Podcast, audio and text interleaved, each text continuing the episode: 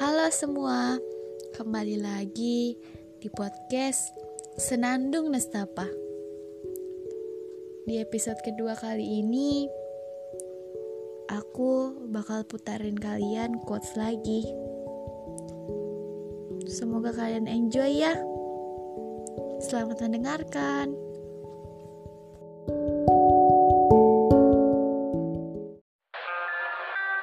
Saya tidak sepenuhnya melepasmu, sebab mencintaimu masih kulakukan hingga kini. Saya hanya mengurangi harapanku padamu,